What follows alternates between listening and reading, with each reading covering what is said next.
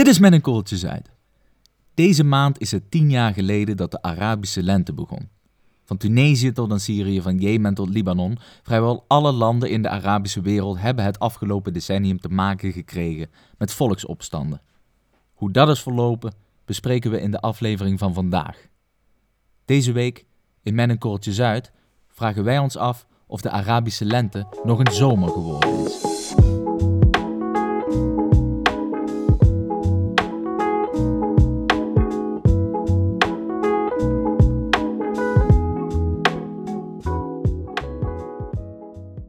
Mohamed Bouazizi was een straatverkoper in Tunesië. En hij verkocht daar uh, groenten en fruit en andere handelswaren.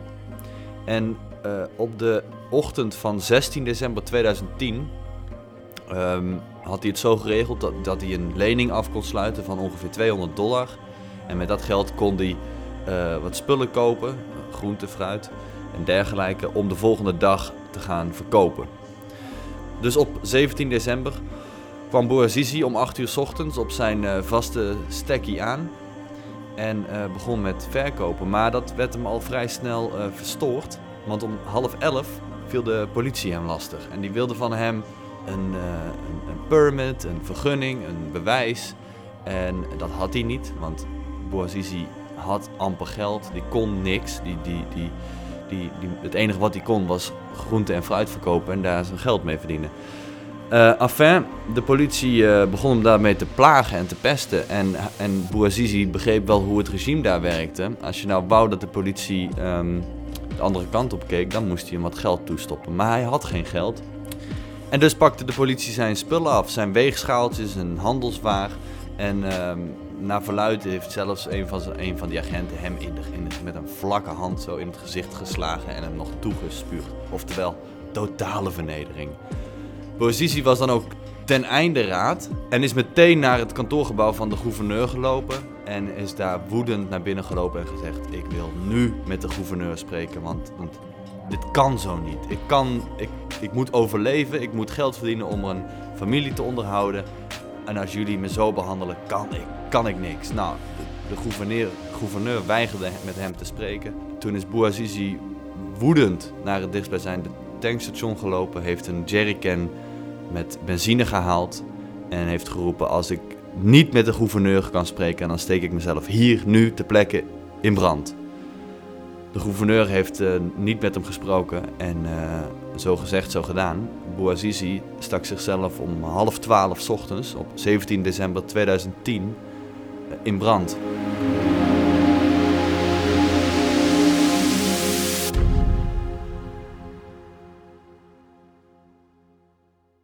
En Bouazizi was de spreekwoordelijke druppel die de emmer deed overlopen voor miljoenen Arabieren.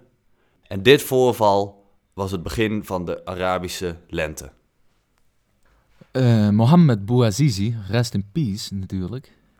Um, jij zegt het is het begin van de Arabische lente, want, uh, ja goed, ik ken die geschiedenis natuurlijk. Dat, toen, toen, mm -hmm. toen stonden de straten blank van de mensen om in principe hetzelfde te eisen als dat Bouazizi had gedaan, namelijk uh, ja, betere, betere leef-slash-werkomstandigheden, toch? Dit is in uh, Tunesië gebeurd.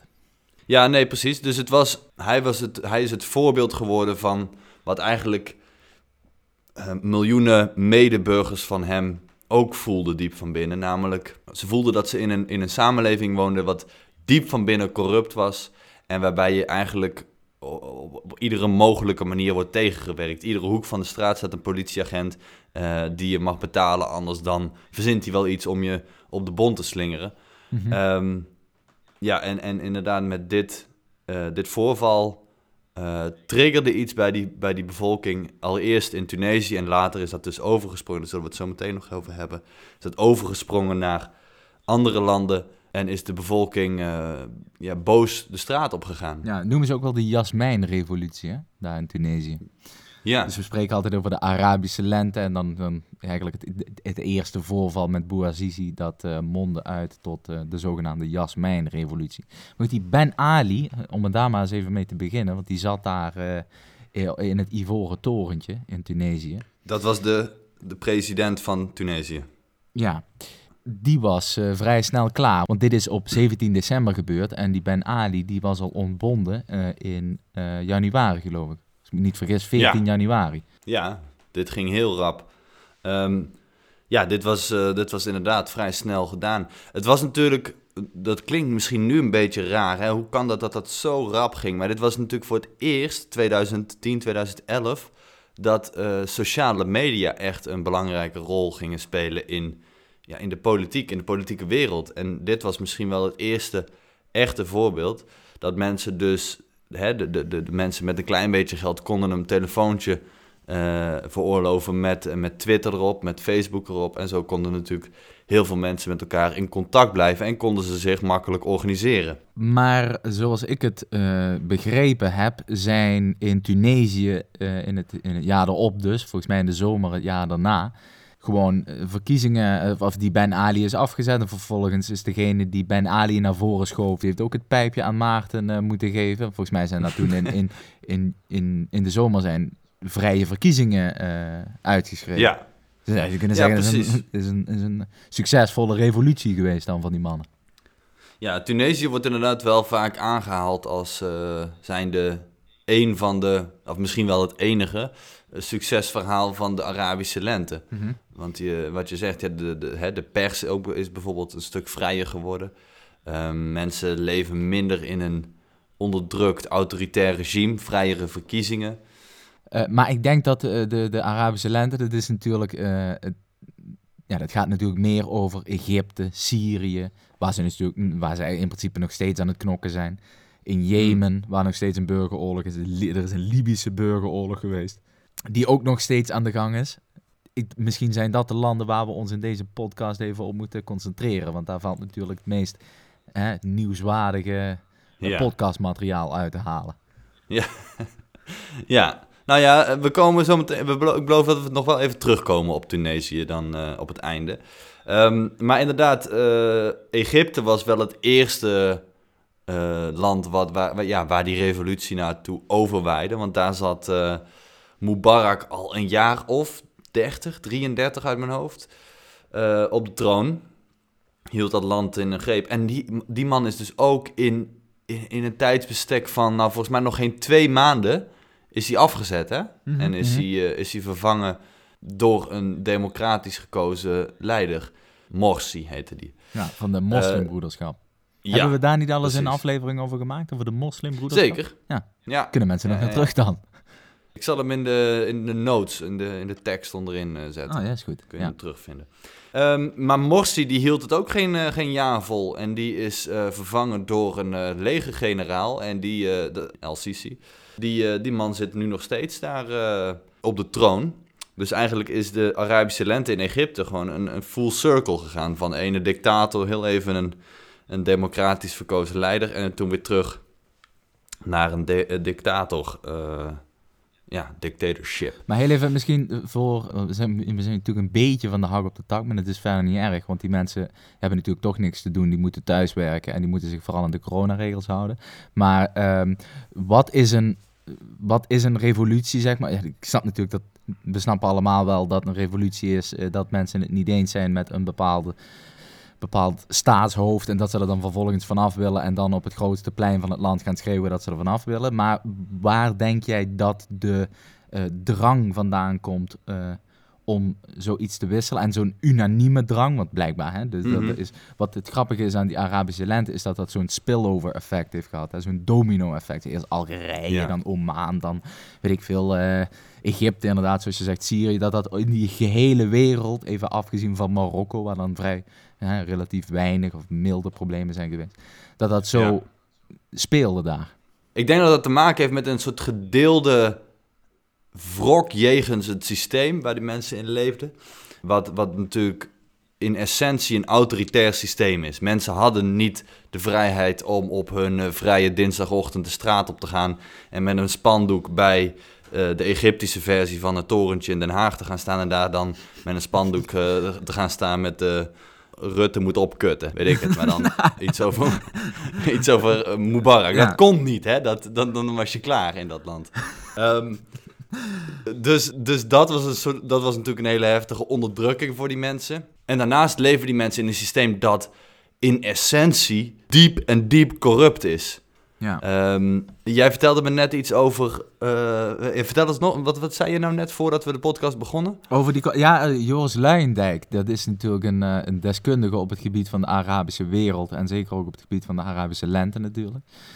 Wel bekend overigens van het boekje Het kan toch niet waar zijn. Maar goed, hij zei in een podcast, overigens ook over de Arabische lente, zei hij, het punt met, die, met dat Arabische systeem is niet zozeer dat het systeem corrupt is, maar dat corruptie het systeem is. En eh, ik snapte wel wat hij daarmee bedoelde, want ehm, kijk, het kan natuurlijk, in, bijvoorbeeld in Italië zou je ook kunnen zeggen, hè, die, het systeem is tot op zekere hoogte eh, corrupt. Er zijn, in, in Italië kun je in principe twee wegen bewandelen. De ene is, eh, is de koninklijke en de andere is de corrupte. En dan kom je uiteindelijk uit bij hetzelfde eh, doel. Maar Mhm. het, ik snap wel wat hij bedoelt als hij zegt dat er gewoon in de Arabische wereld, in ieder geval in sommige landen van de Arabische wereld, de landen waar wij dus over spreken in deze podcast, maar één systeem kennen, namelijk een corrupt systeem waarbij dus iedereen onderdeel uitmaakt van een soort scheme. Ja, dat is wat ik je net vertelde. Dat, dat, dat- daar refereer je naar, toch? Of wat? eh? Ja, ja, Oké. precies. Dat is de essentie van waarom die mensen uiteindelijk eh, tot een soort woede-uitbarsting kwamen.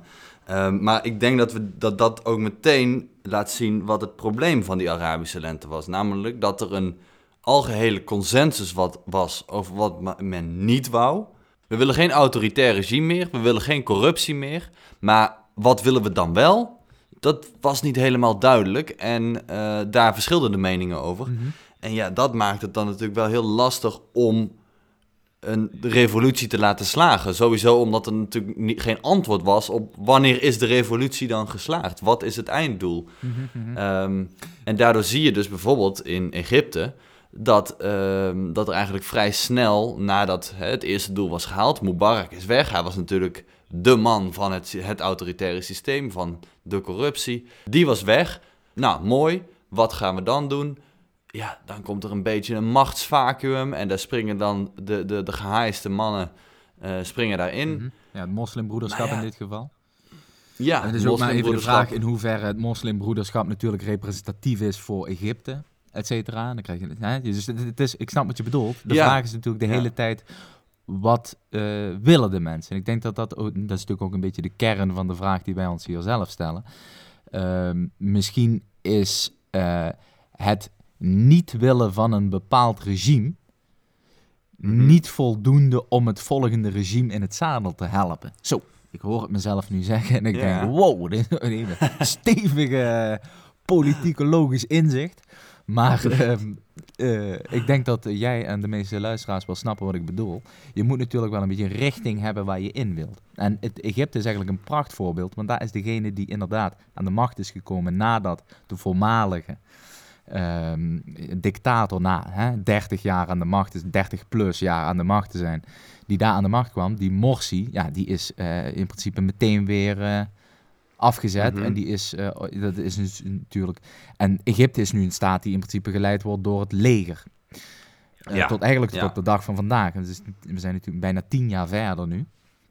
We zijn tien jaar verder. Ja. Ja. En het li- lijkt me dat hè, een, een staat die geleid wordt door het leger, dus in principe die geleid wordt door de hoogste generaal, dat dat misschien ook niet de beste vertegenwoordiging is, of de democratische vertegenwoordiging is voor de Egyptenaren.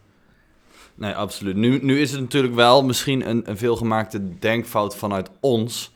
Dat wij meteen denken, oh, maar die mensen willen een democratische rechtsstaat. Want dat, dat is hoe wij leven. Oh En nee, dat nee, dat snap ik. Dat snap ik.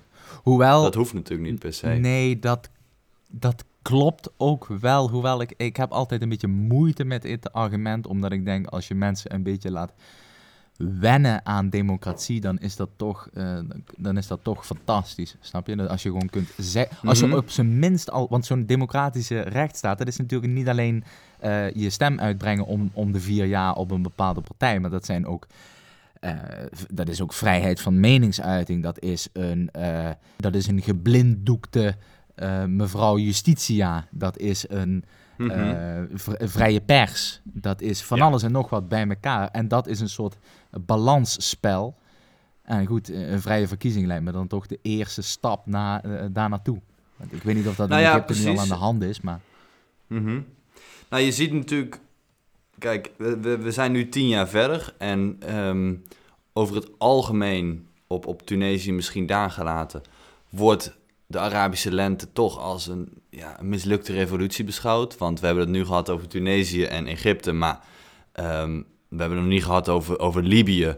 Nou, daar, dat, dat is natuurlijk een totale ramp geworden. Daar zat Gaddafi, wat, wat natuurlijk gewoon een monster was. Hè? Gaddafi was een Mhm. dictator puur sang. Ah, die zat al Ehm, 40 jaar en plus, hè? Ja. Iets van 41 jaar of zo. Die man, dat was trouwens een bijzonder figuur. Hè? Weet je, toen hij eh, een keer eh, bij de VN in New York ehm, moest verschijnen, hè, zoals als, als wereldleider, ehm, weigerde hij om dan maar in een of ander luxe hotel in New York te gaan zitten. Want hij was een man uit Libië en hij was opgegroeid in de woestijn. Eh, dus hij heeft zijn, zijn tentenkamp opgezet in Central Park. Gewoon zo'n woestijnen tentenkamp met zijn... Ja, bijzonder. Enfin, die man is er niet meer. Die is, eh, ja, die is vermoord. Maar ja, dat is het, het, schoolvoorbeeld van wat dan? Want die man die zat daar dus al 40 jaar... eh, had hij alle touwtjes in handen, had alle sleutelposities eh, in, in zijn handen. En dat was van de een op de andere dag weg. Dus dat land stortte in een, in een, in een machtsvacuum. En dat is tot op de dag van vandaag een, een, een burgeroorlog. Mhm. Hetzelfde geldt voor Jemen. Eh, daar hebben we ook nog een podcast over gemaakt. Die zal ik ook hier in de, in de link eh, zetten. Een hele informatieregen hier vanavond. Want, want Jemen is het, eh, het speelveld geworden van een zogenaamde proxyoorlog tussen Saudi-Arabië en Iran.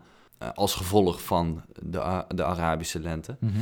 Ja, Syrië is, is natuurlijk een, ander, een andere uitzondering, want daar is het regime niet omvergeworpen. Assad zit daar al, volgens mij vanaf 2000, dus die zit er al 20 jaar nu. Mhm. Ehm, en hij zit er nog steeds. Ja, ja, ja. Als ik er zo over zat te, te, te researchen, hij heeft het echt heel, heel smerig aangepakt. Mhm. Hij eh, zag aankomen van oei, die Arabische lente die trekt nu over, eh, over onze regio. En ik ga, ik, ik, ik ga natuurlijk niet zelf eh, aftreden of wat dan ook.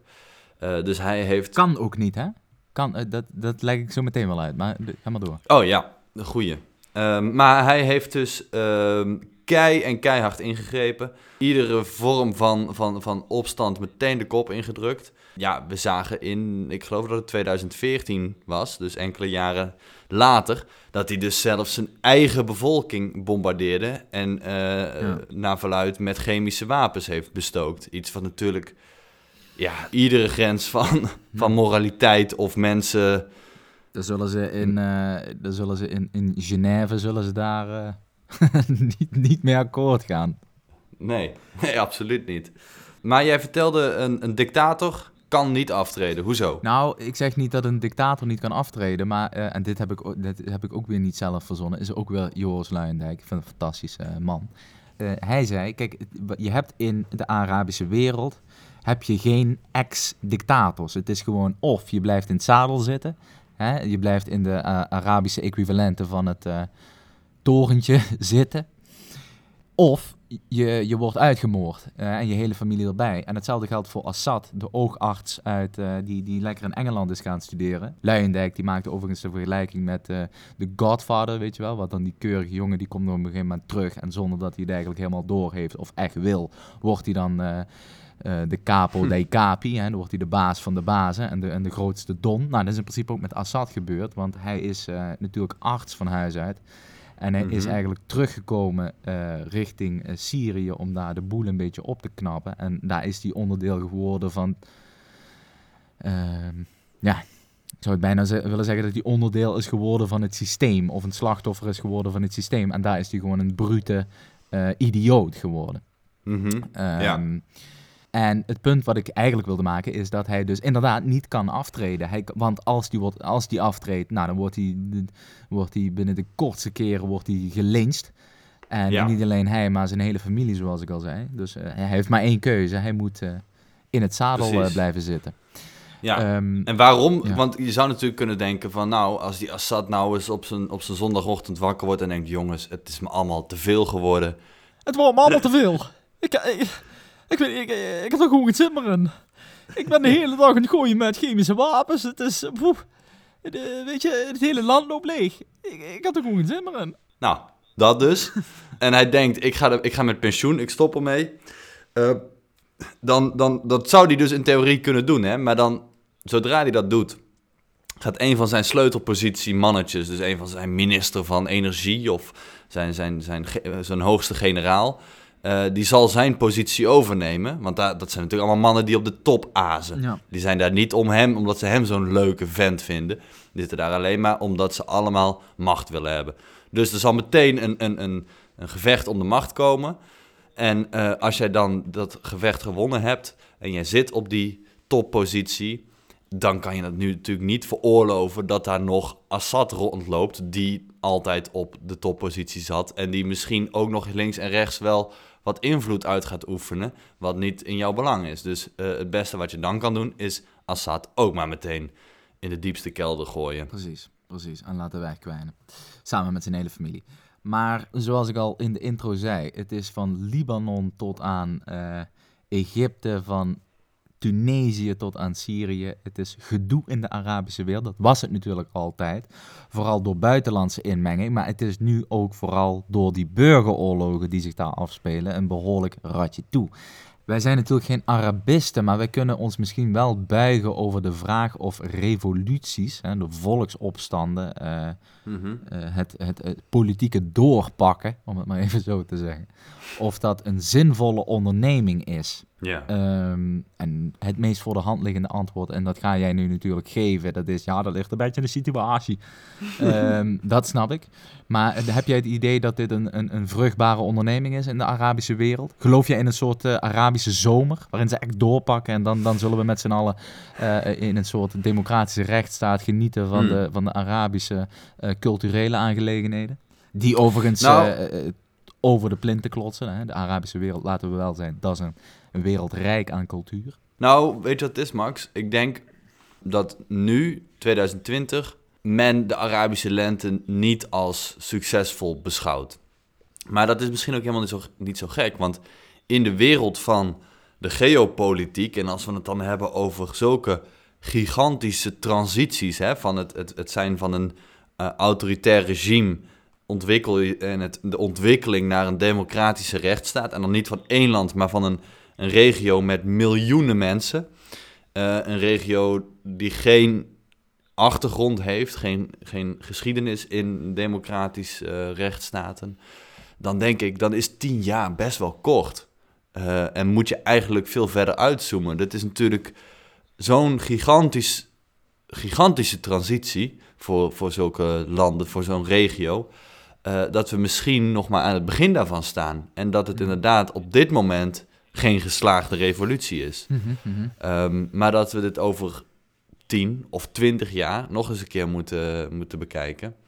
En het zou, het zou, het zou best wel kunnen. Ik, ik, ik zou me niet, eh, het zou me niet verbazen als we over 20 jaar terugkijken en denken: ja, het was, het was chaos in de jaren 20, in de jaren 10 daar in die landen. Maar nu eh, lijkt het toch wel te gaan lukken dat ze daar een, een soort van eh, systeem weten te consolideren. Waarvan Zo. je kan zeggen, nou, dat, eh, dat gaat de goede kant op. Consolideren, doet hij even. Ehm, nou, ik denk dat je daar gelijk in hebt. Ik denk dat je sowieso... Kijk, een revolutie, dat gaat niet over één nacht ijs. Dus we, het is toevallig dat nu... Een revolutie die bijvoorbeeld nu, as we speak, aan de gang is... dat is die in Wit-Rusland. Daarvan denkt het NRC en eh, de Volkskrant ook... dat dat binnen nu en eh, een week gescheten is. Maar dat duurt natuurlijk heel erg lang. Eh, Mhm. Zo'n zo'n zo'n leider die moet natuurlijk de kans krijgen om in te zien dat zijn leiderschap over is. En zo'n bevolking die moet natuurlijk in kunnen zien dat ehm, het tijd wordt voor een, nou in ieder geval democratischer systeem, zou ik dan toch willen zeggen. Want volgens mij is dat Ja. wat ze in de Arabische wereld ook willen. Maar even los van stemmen, weet ik veel, persvrijheid. Het verhaal van die Mohammed Bouazizi, dat gaat natuurlijk gewoon over bestaanszekerheid. Het gaat natuurlijk gewoon over Ja. geld. Het gaat over dat je gewoon iets te eten hebt, dat je familie kunt onderhouden, dat er werk is, dat de, eh, dat de, dat de economie draait naar behoren, dat, er, eh, dat het leven geen, geen strijd is. Mhm. En zolang het leven in die gebieden voor een groot percentage van de bevolking een strijd blijft, zullen ook de revolutionaire ideeën daar blijven rondwaren. En terecht. Ja, absoluut. Nou ja, en, en een ander punt is, en daar, daar, zou ik graag meer van horen van luisteraars die hier iets meer verstand van hebben. En dat, want dan ga ik meer op het psychologische effect. En dat is iets waar ik natuurlijk zelf niet echt verstand van heb. Ehm, maar het, eh, het, het ding bij de mens is natuurlijk dat we altijd, en dat hebben we altijd al gehad, denken dat het vroeger beter was. Want vraag jouw opa of oma, die zullen zeggen, vroeger was het beter. En dat is niet iets vreemds, dat, dat, dat, dat doen we al sinds het begin der tijden. We vinden het altijd, vroeger was het beter. Vroeger luisterde de jeugd nog naar zijn ouders. dat Vroeger is gelul hoor. Nou ja. Dat is gelul. Dat heeft iedereen Precies, gedaan. het is Dat natuurlijk niet waar. Plato was al aan het zeiken over de jeugd. Precies. Dus we zijn al generaties lang eh, zijn we aan het af, eh, af, afkalveren. Maar eh, hetzelfde geldt natuurlijk dat als je nu een, een, een oude vrouw in Libië bent... en je bent opgegroeid in een autoritair systeem... ja, dan is het natuurlijk ook wel heel moeilijk om te gaan strijden voor iets totaal nieuws... Terwijl als je terugdenkt aan je eigen jeugd en denkt... ja, ja oké, we leefden onder Gaddafi... ehm, maar we hadden gewoon wel wat te eten en... en, en en, en volgens mij werkt de, de, de, menselijke brein ook zo dat voor, voornamelijk de leuke herinneringen ehm, blijven plakken. Ja, de cognitieve Dus dan- dissonantie, dat weet ik dan wel. Ik ben geen psycholoog, maar dat Ja. is dan toch het, eh, de term daarvoor. Nou, precies. En ehm, ja, kijk, en dan is het dus wel lastig om te gaan strijden voor iets nieuws. Als je toch eigenlijk diep van binnen denkt, ja, misschien moeten we wel terug naar hoe het vroeger was, want toen was het eigenlijk wel beter. Zo goed als het vroeger was, is het nooit geweest.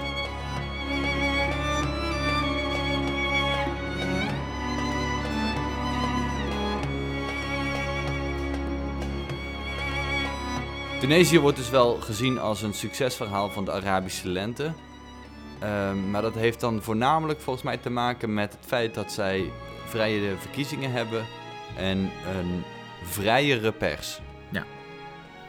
Nou, dat kun, Ehm. kun, kun je dat toch wel een succesverhaal noemen. Ja, goed, de, ik heb die macro-economische variabelen even bekeken. En de werkloosheid en eh, de groei van het, eh, eh, van het GDP en de inflatie en noem het allemaal maar Ja. op. Eh, het, is niet, het, is, geen Luxemburg.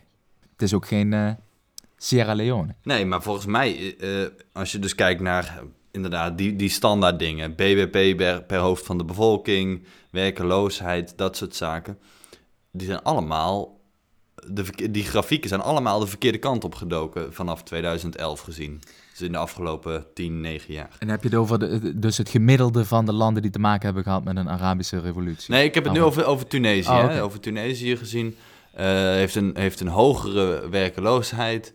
Heeft een lagere ehm, BBP per hoofd van de bevolking dan dat het destijds had. Ehm, ja, ehm, mensen hebben het economisch gezien op, en dan heb ik het over de algemene schaal van het land, lastiger nu dan dat ze het tien jaar geleden hadden. Ja, je moet je niet vergissen. eh, het is natuurlijk niet zo dat eh, democratie altijd de oplossing is om je zakken te vullen.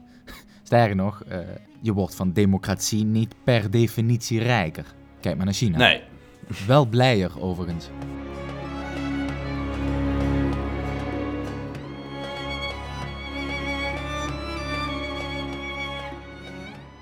Dames en heren, jongens en meisjes, dit was de aflevering van deze week alweer. Droog uw tranen, ehm, haal adem, want volgende week dinsdag zijn we er gewoon weer.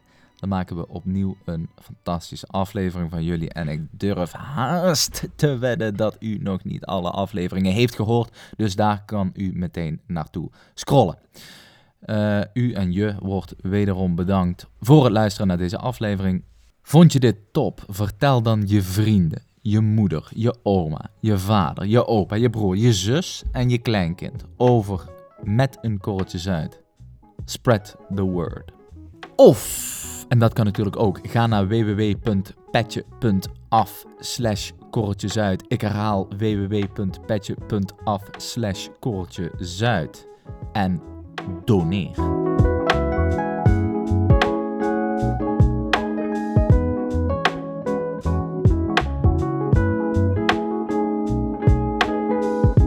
Deze podcast werd gepresenteerd door Max Severijns en door mij, Auke Roos. De intromuziek is van Antal van Nie. De cover art is gemaakt door Jules Jansen. Kijk voor meer informatie op korreltjezuid.nl